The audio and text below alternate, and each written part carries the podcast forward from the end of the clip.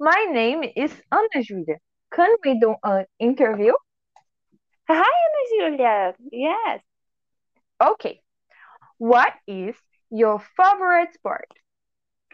My favorite sport is volleyball. Hmm, good. What sport are you good at? Uh, I'm not good at any sport. Oh. My Who is your favorite professional athlete? Why? None. I don't follow sports.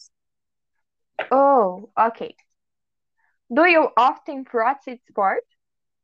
No, I don't practice. Okay.